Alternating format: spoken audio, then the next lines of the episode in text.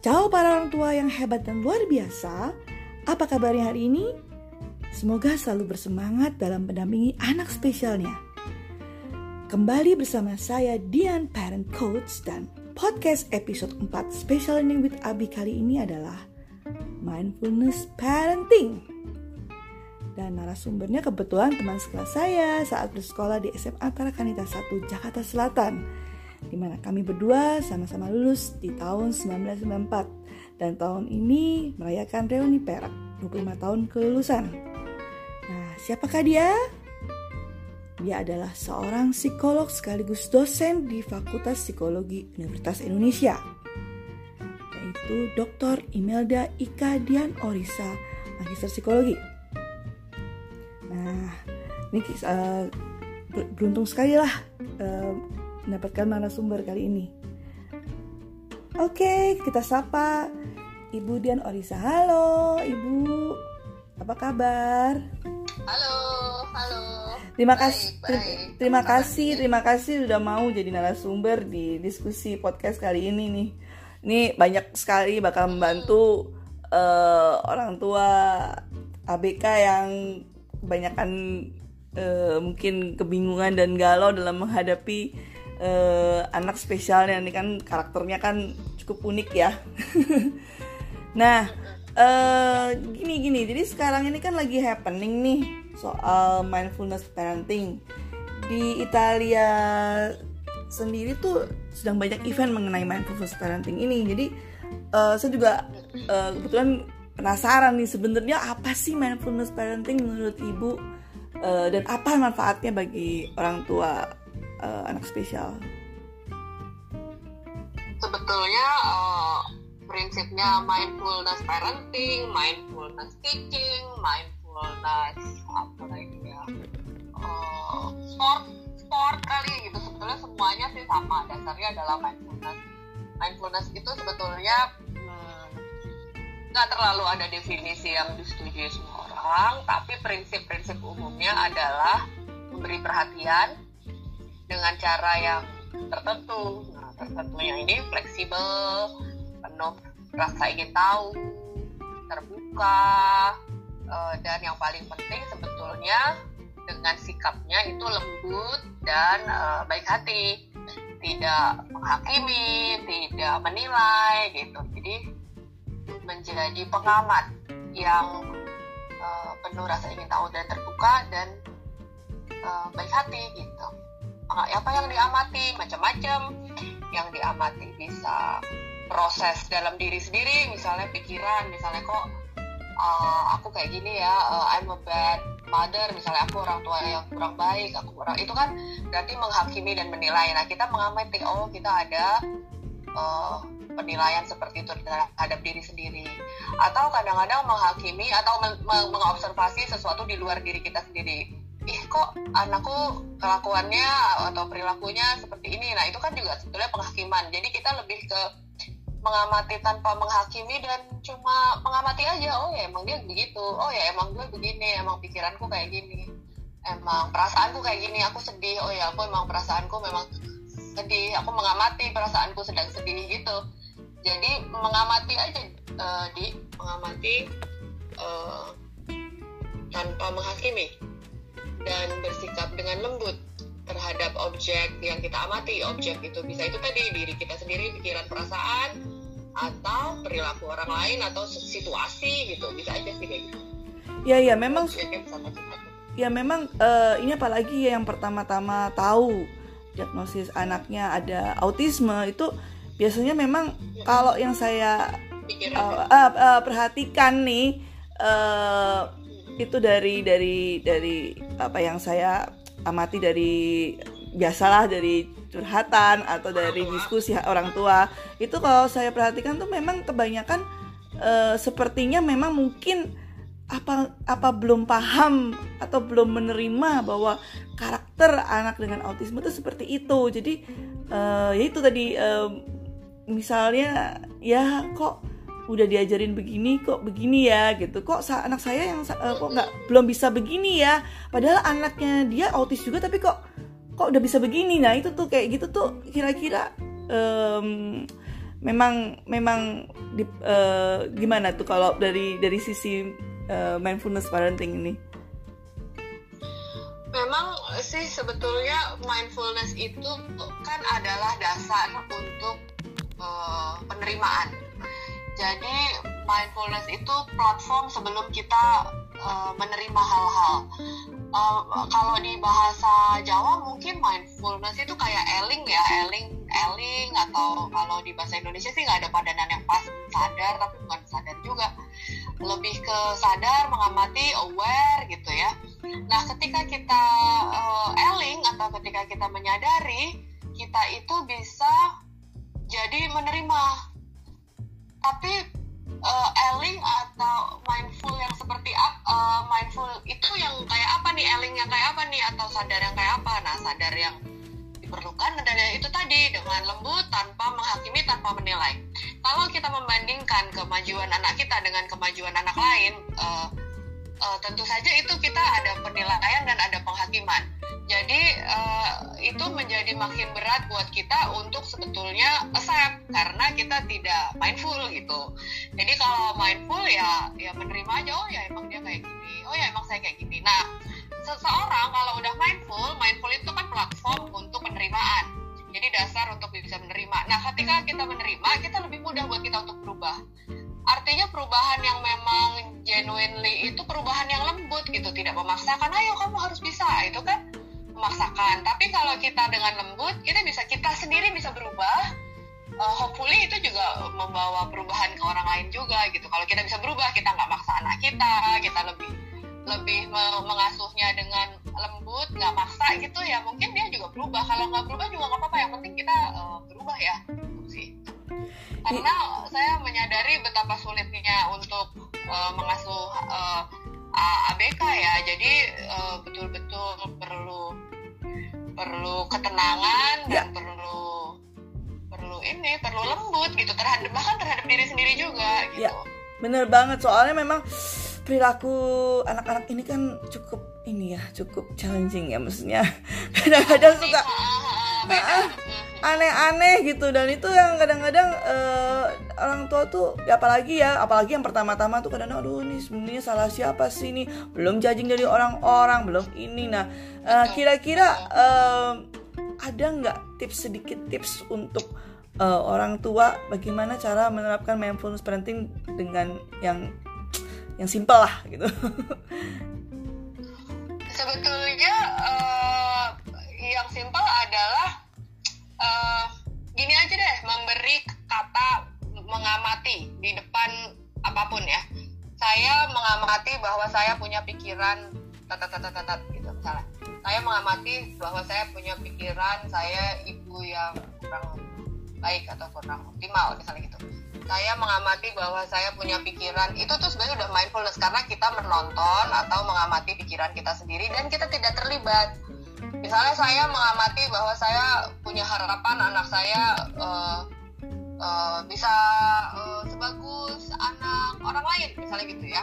Itu kan pengamatan. Nah kalau udah ada pengamatan kita sebenarnya cenderung apa ya di? Jadi kita lebih cenderung bisa uh, pasrah itu surrender kita nggak struggling lagi. Jadi kita hmm. stop struggling gitu.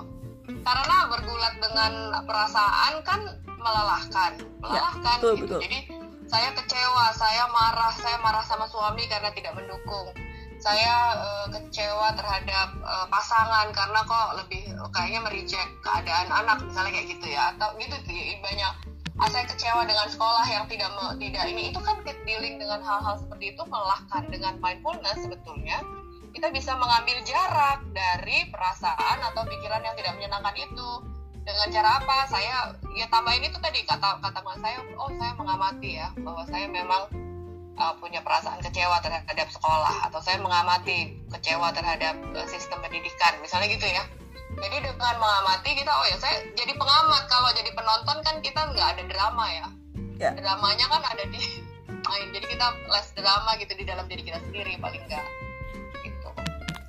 ya. sebenarnya ini simpel banget dan salah satu teknik yang lain yang gampang tadi kan menambahkan kata saya mengamati di depan semuanya ya. Yang lain adalah sebetulnya mengaktifkan uh, panca indera. Jadi supaya kita nggak tersedot dalam pikiran dan perasaan kita kita bisa mengaktifkan uh, apa sensasi kita terhadap panca indera. Jadi misalnya kalau saya melihat ya saya melihat suatu objek apa adanya tanpa menghakimi. Misalnya saya melihat apa di depan saya misalnya uh, handphone saya gitu. Oh ya udah handphone saya emang kayak gini tipenya emang kayak gini dia bisa kayak gini dia nggak dia mungkin bagus banget tapi saya nggak judging. Ya udah dia emang kemampuannya ini. Atau handphone saya ternyata jadul. Ya udah handphone saya emang uh, kayak gitu emang potensinya kayak gitu misalnya kayak gitu. Jadi melihat uh, uh, apa adanya hal-hal. Bisa juga mendengar. Misalnya saya mendengar tangisan anak gitu ya tangisannya cempreng banget. Ya udah emang tangisannya kayak gitu. Ya udah emang pitchnya tinggi atau ya udah emang aku annoyed tapi ya udah emang begitu. Suara-suara yang di sekitarku adanya. Atau bebauan juga kayak gitu. Jadi sebenarnya kita bisa mengaktifkan panca indera supaya kita nggak larut dalam pikiran. Tapi bukan karena yang membuat kita terluka kadang-kadang pikiran sih.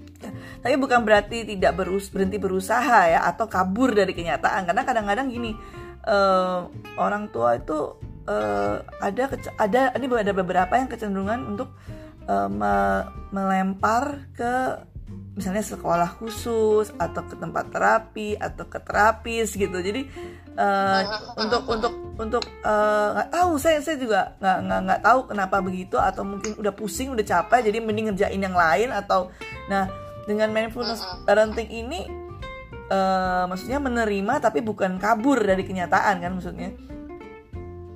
Nah justru uh, kabur dari uh, kenyataan itu adalah cara kita menolak situasi yang tidak kita inginkan.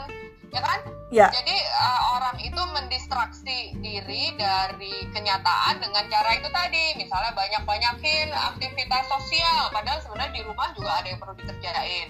Atau semakin banyak main apa misalnya kalau ibu misalnya sosmed atau game gitu kadang-kadang ibu-ibu main game juga ya jadi uh, apa justru karena kita tidak mau menghadapi kenyataan yang tidak kita inginkan, kita jadi mendistraksi diri, mengalihkan perhatian dari uh, kenyataan itu, atau kita mendiskoneksi. Saya nggak mau ada urusan, nah saya pokoknya nggak ada di sini. Walaupun ada anak di sebelah kita, tapi kita pikirannya mungkin di tempat lain, atau ketika suami atau pasangan ya, atau istri uh, atau pasangan itu uh, berkeluh kesah kita tentang anak kita nggak mau ada di sini nggak mau dengerin dia. Jadi saya main game aja atau main sosmed misalnya gitu.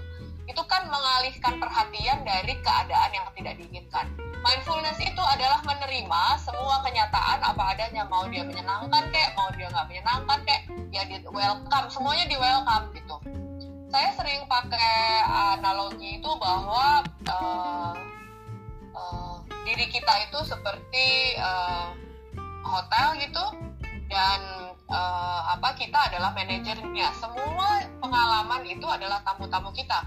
Uh, suara yang nggak menyenangkan itu tamu juga. Uh, pikiran yang nggak menyenangkan itu tamu kita juga. Perasaan yang nggak menyenangkan itu tamu kita juga. Jadi kita uh, perlu welcome dengan lembut semua pengalaman-pengalaman sensasi pikiran perasaan diterima gitu. Oh, oh ya udah gitu. Iya memang begitu adanya. Lalu kemudian setelah nerima apa? Setelah nerima kan kita mau berubah.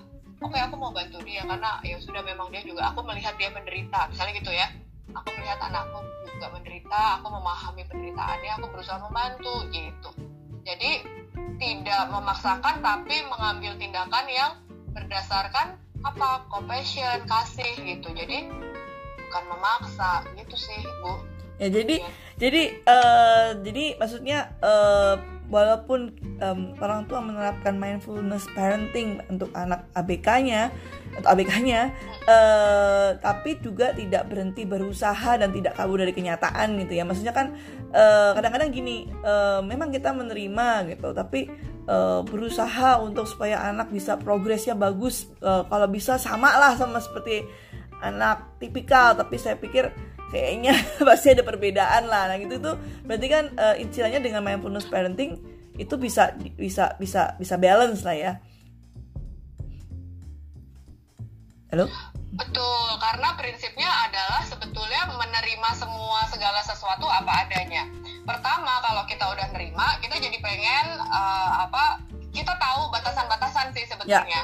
lalu kemudian apakah kalau kita nerima terus kita nggak berubah ya udah kita biarin aja nggak gitu juga. Ya. karena kita kan uh, pengen punya kita kita tetap compassion ya penuh dengan welas asih dan kita sebisa mungkin kan membuat anak belajar sesuatu dari dunia ini gitu.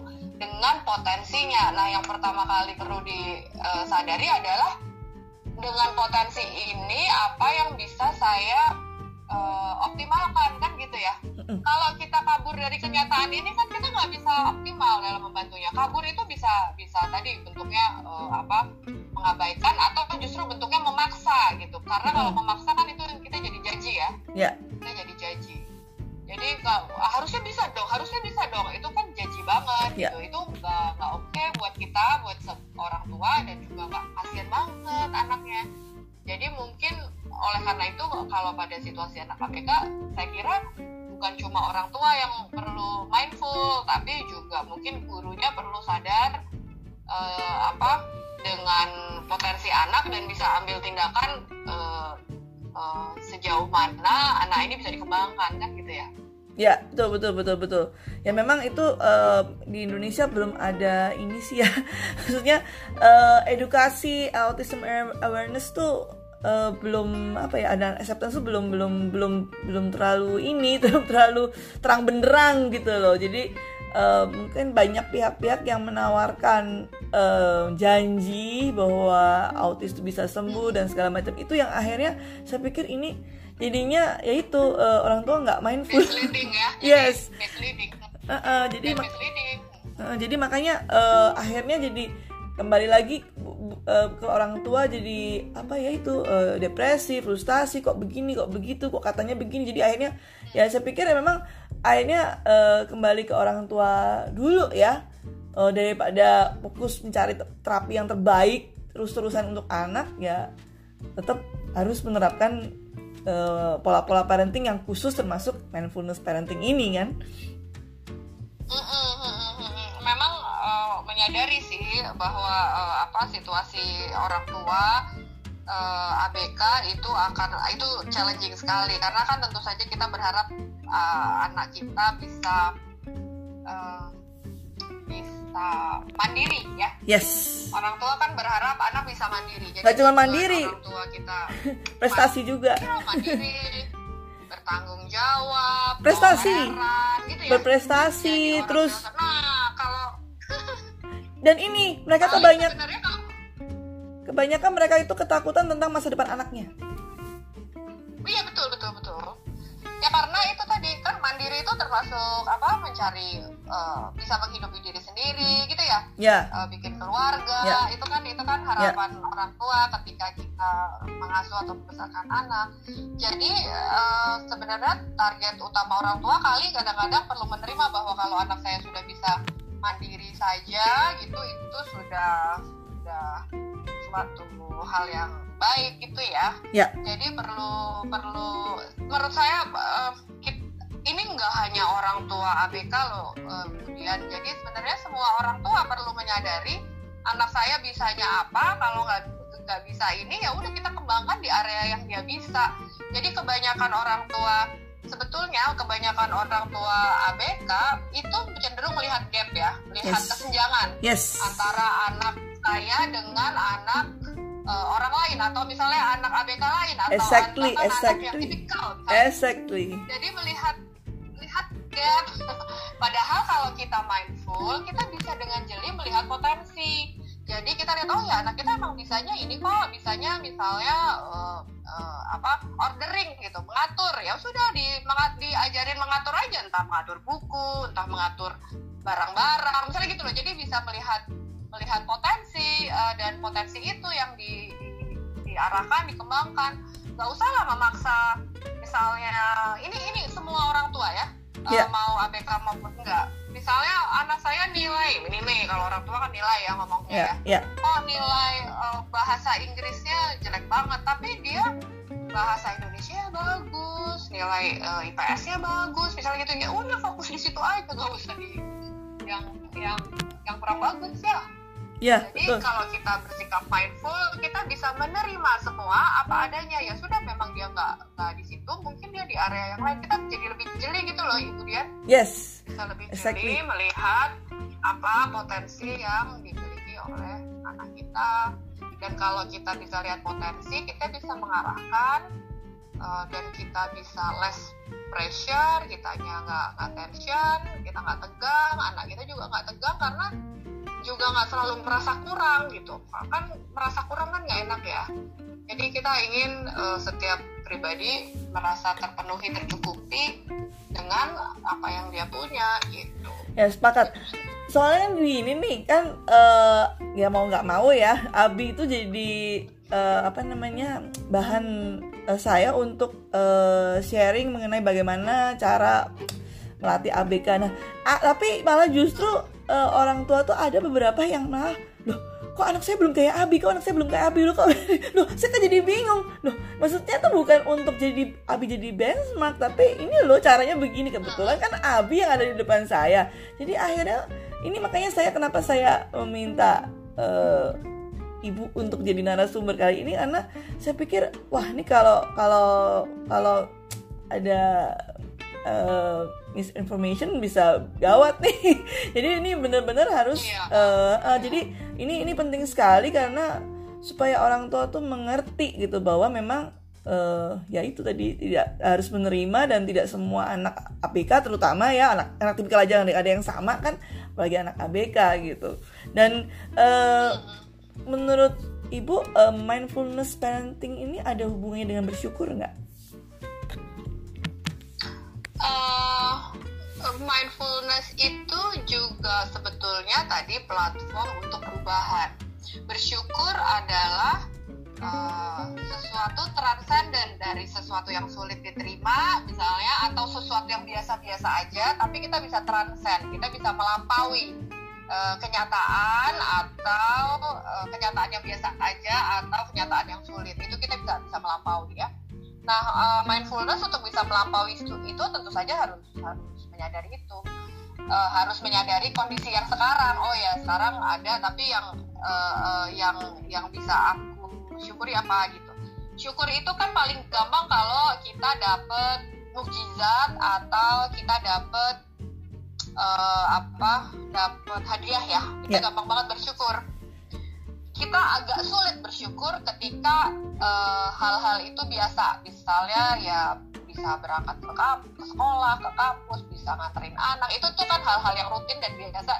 Sehingga kita su- cenderung agak sulit bersyukur ketika hal-hal itu biasa ya kan? Yes. Yang paling sulit itu bersyukur ketika kita dapat musibah sebetulnya.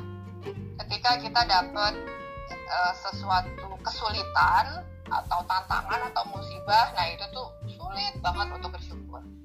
Bersyukur itu perlu kesadaran tadi e, kayak mindfulness gitu ya kesadaran bahwa ada sesuatu yang sedang terjadi dan sesuatu yang sedang terjadi ini uh, di, diberikan sebagai uh, apa tuh namanya intinya diberikan orang lain. Jadi ini sesuatu yang dikasih orang lain atau pihak lain bisa saja Tuhan gitu ya diberikan oleh pihak lain kepada saya dan sesuatu ini adalah sebetulnya uh, uh, hadiah ya diusahakan oleh orang lain itu. Jadi bersyukur itu ada uh, kesadaran bahwa saya dapat sesuatu dari orang lain dan orang lain itu berusaha atau pihak lain itu berusaha memberikannya pada saya. Dalam hal ini sebetulnya uh, uh, anak gitu ya uh, kita itu tidak berupaya tidak tidak berupaya anak itu kan anugerah ya diberikan yang diberikan kan oleh pihak lain. Dalam hal ini Tuhan. Jadi dan ketika uh, anak ini hadir uh, dalam kehidupan kita ya tentu saja uh, sudah wajar kalau kita uh, bersyukur. Sekarang Ibu Dian bersyukur itu tidak bisa dipaksakan. Sama ya. seperti ikhlas. Tadi Ibu Dian bilang harus nerima harus ikhlas. Uh, itu tidak bisa dipaksakan. Okay. untuk situasi-situasi uh, yang sulit uh, bersyukur atau ikhlas menjadi sangat sulit sekali untuk dilakukan saran saya adalah uh, untuk orang tua yang memang masih sulit untuk menerima situasi yang bisa dikatakan pada diri sendiri adalah aku ikhlas bahwa aku belum ikhlas. Oke. Okay. Wah, ini tips itu bagus. itu kata-katanya. Aku ikhlas bahwa aku belum ikhlas. Ikhlas bahwa belum ikhlas adalah keikhlasan.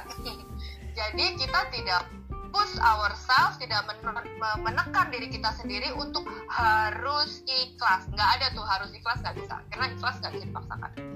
Ya, jadi katakanlah saya ikhlas bahwa saya belum ikhlas. Lalu rasakan uh, perubahan itu pada tubuh ibu bapak uh, itu mungkin lebih jadi lebih rileks lebih ya nggak ngerti ya perubahannya ada apa tapi lebih, biasanya lebih less tense lebih kurang tegangnya gitu jadi nggak ada yang harus dalam hal ini. Bersyukur juga gitu. Seringkali orang lain akan menilai begini ya kamu sih bersyukur anak lalalala kamu sih bersyukur uh, gini gini gini. Kamu tuh harusnya bersyukur loh uh, keadaan keluarganya gini gini gini uh, sehingga bisa misalnya menyekolahkan anak uh, atau mendapatkan terapi buat anak yang optimal. Kamu harusnya bersyukur. Nah itu tuh nggak bisa ya. Yeah. Harusnya bersyukur tuh sulit sekali.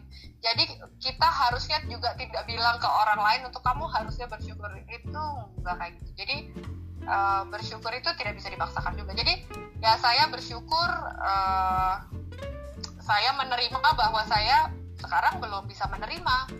Saya saya ikhlas bahwa pada poin tertentu saya bersyukur akan hal-hal lain tapi saya juga uh, tidak bisa untuk bersyukuri hal-hal yang tertentu. Saya pada poin ini saya menerima bahwa saya belum bisa untuk yang mana jadi nggak apa-apa uh, apa kita kan bersikap lembut terhadap diri kita sendiri. Jadi kalau kita masih ada marah masih sulit menerima ya itu wajar-wajar aja karena memang itu sesuatu kenyataan yang mungkin sulit diterima. Jadi kita ikhlas bahwa kita belum ikhlas. Kita menerima bahwa kita belum menerima. Dan itu sikap compassion, kita penuh kasih terhadap diri kita sendiri. Dan itu salah satu uh, dasar uh, mindfulness tadi, kita bersikap penuh kasih terhadap kondisi pikiran dan emosi kita. Wah luar biasa nih luar biasa nih ilmunya. Aduh bu dokter. Aduh terima kasih banyak. Aduh nih bener-bener ini luar biasa ilmunya. Nih bener-bener yang apa ya lagi happening lagi hits seluruh dunia Italia juga. Terus ini pokoknya saya bersyukur eh, pagi ini. Ini sekarang nih kita beda 5 jam ya. Jadi di Jakarta mau jam 8 di Milan uh, mau jam 3 pagi. Jadi uh, terima kasih banyak sudah mencuri waktu memberi uh, ibu dokter nih mau ke kampus kan? ya. Jadi ya pagi-pagi nih udah mau berbagi uh, luar biasa tipsnya. Jadi tadi tipsnya adalah uh, kita ikhlas untuk tidak ikhlas apa? Kita ikhlas kalau kita belum ikhlas. Nah ini. Sebenarnya kunci dari dari um, mindfulness parenting untuk orang tua ABK yang pertama-tama ya mungkin ya. Maksudnya uh, kalau memang belum sampai tahap yang ini apa? Yang benar-benar bersyukur. Nggak usah dipaksain ini aja. Maksudnya tetap ikhlas. Ya ikhlas belum ikhlas ya bersyukur ya bersyukur untuk hal-hal tertentu tapi ada hal-hal yang belum ya nggak apa-apa. Bersyukur itu kualitas yang baik. Tapi kalau kita uh, tapi nggak nggak masuk akal kalau kita selalu terus menerus bersyukur gitu. Jadi sebenarnya ya nggak apa-apa. Itu manusiawi lah. Itu kita kita kecewa kita kita marah ya itu wajar-wajar aja. Jadi mengamati saja jadi pengamat saja. Ya ya ya. Gitu. terima kasih banyak terima kasih banyak Oke, okay, sampai ketemu lagi dan demikianlah podcast kali ini luar biasa. Moga-moga orang tua bisa terbantu sedikit. Uh, uh, uh, bukan sedikit ya, mudah-mudahan banyak ya yang terbantu uh, untuk meringankan uh, beban pikiran dan ya oke. Okay. Uh, sampai ketemu di podcast berikutnya. Ciao.